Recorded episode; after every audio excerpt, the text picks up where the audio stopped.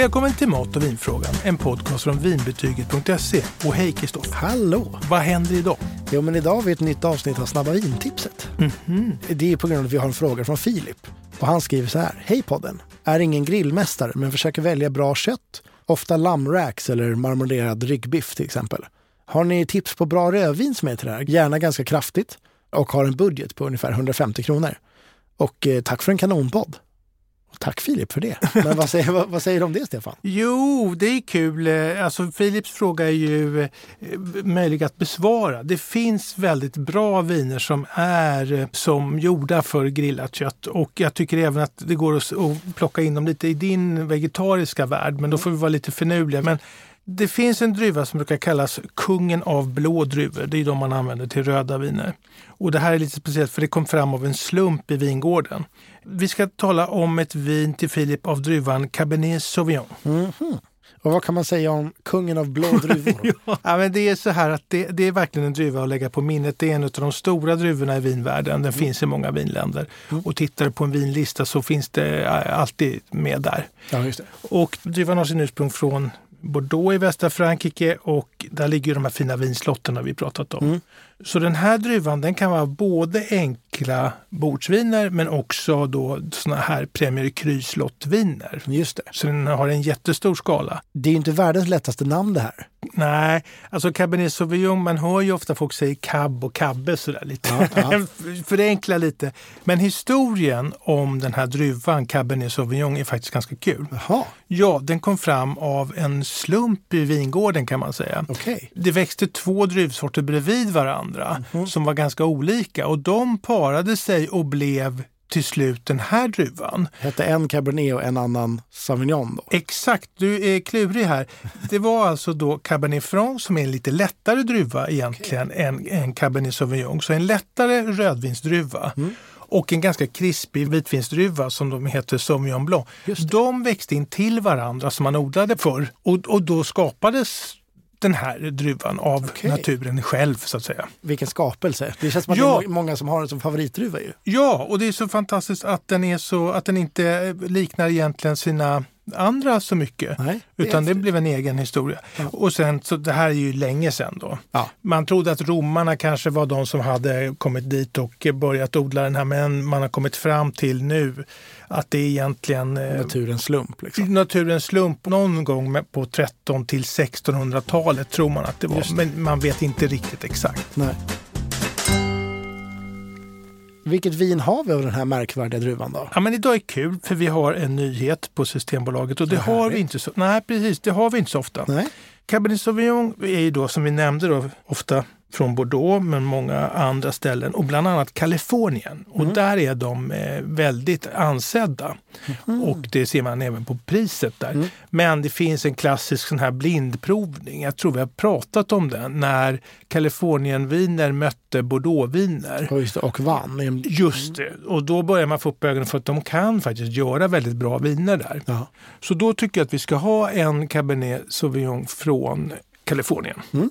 Den är väldigt intressant tycker jag, för det här är en, det har blivit en kultproducent. Okej. Ja, som har ett namn som är Bread and Butter. Ja, ja, just Det det. låter ju inte som en vingård riktigt. Nej. Men, men eh, så heter den och det är skälet till det är att det är så mycket i vinvärlden som är pretentiöst. Mm.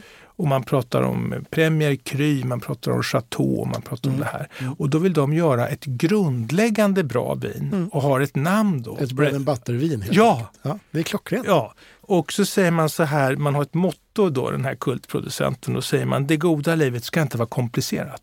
Nej, just det. Så de, de, när man läser på deras sida och när man eh, studerar så ser man att de, de håller inte på att prata om terroir och, och sådana saker utan det är ganska så att det här är ett bra vin som du kommer att tycka om. Ja, just det. Och det är, Det är härligt. ja, det är superhärligt. Jaha. Och det är en kvinnlig vinmakare där som heter Linda Trotta och hon har som filosofi att ett bra, vad, vad är ett, liksom ett bra vin för frågan? Mm. Det är ett vin som du gillar, svarar hon. Ja, det är perfekt. Ja. Ja.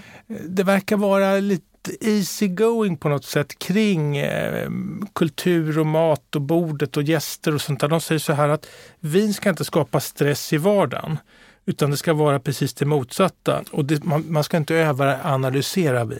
Så slutar de den lilla dikten, man ska säga, med ett bra vin är det som du tycker om. Just det. Och det är väl så att om vi säger att om man tittar på viner och så har man gäster som kanske är vinkunniga och så blir man stressad. Passar det här till det här och det här? Det, ser, mm. det här är ett bra vin. Det räcker så. Du kan liksom luta dig tillbaka. Mm. Linda Trotta som vinmakare, hon har ju vunnit massor med fina priser. Okay. Och bland annat så är hon känd för ett Pinot Noir-vin som man har funnits på systemet ganska länge och det finns i fasta sortimentet. Det har ungefär samma design men flaskformen är annorlunda. Det har en Pinot eller en, en, vad, heter, vad heter den då? Den heter bara Bread and Butter Pinot Noir. Ja, ja, okay. ja, det är superminimalistiskt ja. det också. Ja. Så de här är ju liksom, man ser att de är, syskon de här båda vinerna. Mm. Och eh, Bread and Butters viner de har gjort succé, inte bara i USA utan eh, i Europa och i, i, Sverige då med den här Pinot Noiren bland annat. Då. då är det den jag sett innan helt enkelt. Du ja. känner igen det här Bread Ja, Butter. man gör ju det för den är så speciell. Ska vi kika på det? Ja, det tycker jag verkligen. Vad kul att du har med dig det. Mm. Frågan är, då, då, förväntar jag mig alltså inte ett slott på den här flaskan. Eh, det, det är en helt riktig analys och det här är Inget kanske så långt ifrån du kan komma.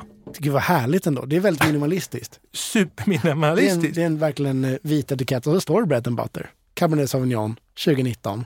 13,5 procent alkohol i det. Sen är det klart. Ingenting annat står Nej.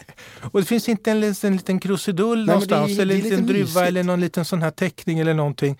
Och så är ju typografin väldigt ren. Mm, verkligen. Och jag tror att man säger så åh den där ser ju, vad enkelt att göra en sån där. Men jag tror att göra en etikett som står på egna ben ja. utan några hjälpmedel, inget silver, inget guld, ingenting. Kaxigt. Ja, och då handlar det om att du behandlar den här typografin väl. Mm. Så att det blir en harmoni i den här etiketten. Den här ser du ju på mil i hyllan. Mm. Och den är ju väldigt trevlig att ställa fram på bordet för att det finns ju någonting som att wow, vad är det där? Det var inte liksom så som en vinetikett brukar Nej, se. Exakt. Här har man ju att du har jobbat lite med det här innan. Men vet du, ja, det är lite paradoxalt för vi har ju sagt att vi ska inte prata om design, vi ska bara prata om vinen. Ja, men nu, ja. nu till slut så, så vinner jag. Men förutom flaskan, då, vad, hur ska vi beskriva liksom smaken på det här?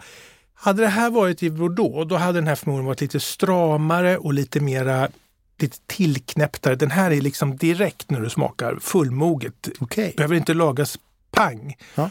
Så har du det här och det är då typiskt Kalifornien kan mm. man säga. Att de har en annan smak och syn på hur vinerna ska vara. Okay. De är direkt och tillgängliga. Mm. Så det här tror jag till Philips grill är bara wow. Mm. Första tuggan och sen en klunk vin. Wow, wow, wow. Och håller hans budget då? Ja, det gör den ju. Absolut, det är nästan lite larvigt. Va? För den här kostar, jag kan ju inte styra det, varken pris eller att det är en, bra, en kul nyhet att prata om. Den kostar 159. Ja, men det är ju kanon. Ja. Och då för att bara trösta dig då eh, med det vegetariska så kan man ju säga så här att... Om man äter lite kött till det vegetariska så... Nej men om du tar en T-bone steak så är det helt okej. Nej ja. men så här kan man säga att råa grönsaker mm.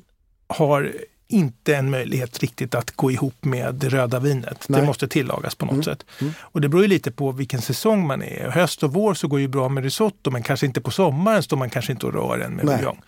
Men då är tricket för att få den lite mera, grönsakerna lite mera vinvänliga så mm. tar man då eh, gärna ost med lite mm. smak. Just det. Vi säger då parmesan som vi brukar säga men det mm. brukar man ju riva över. Det, man kan ta andra hårdostar också. Mm.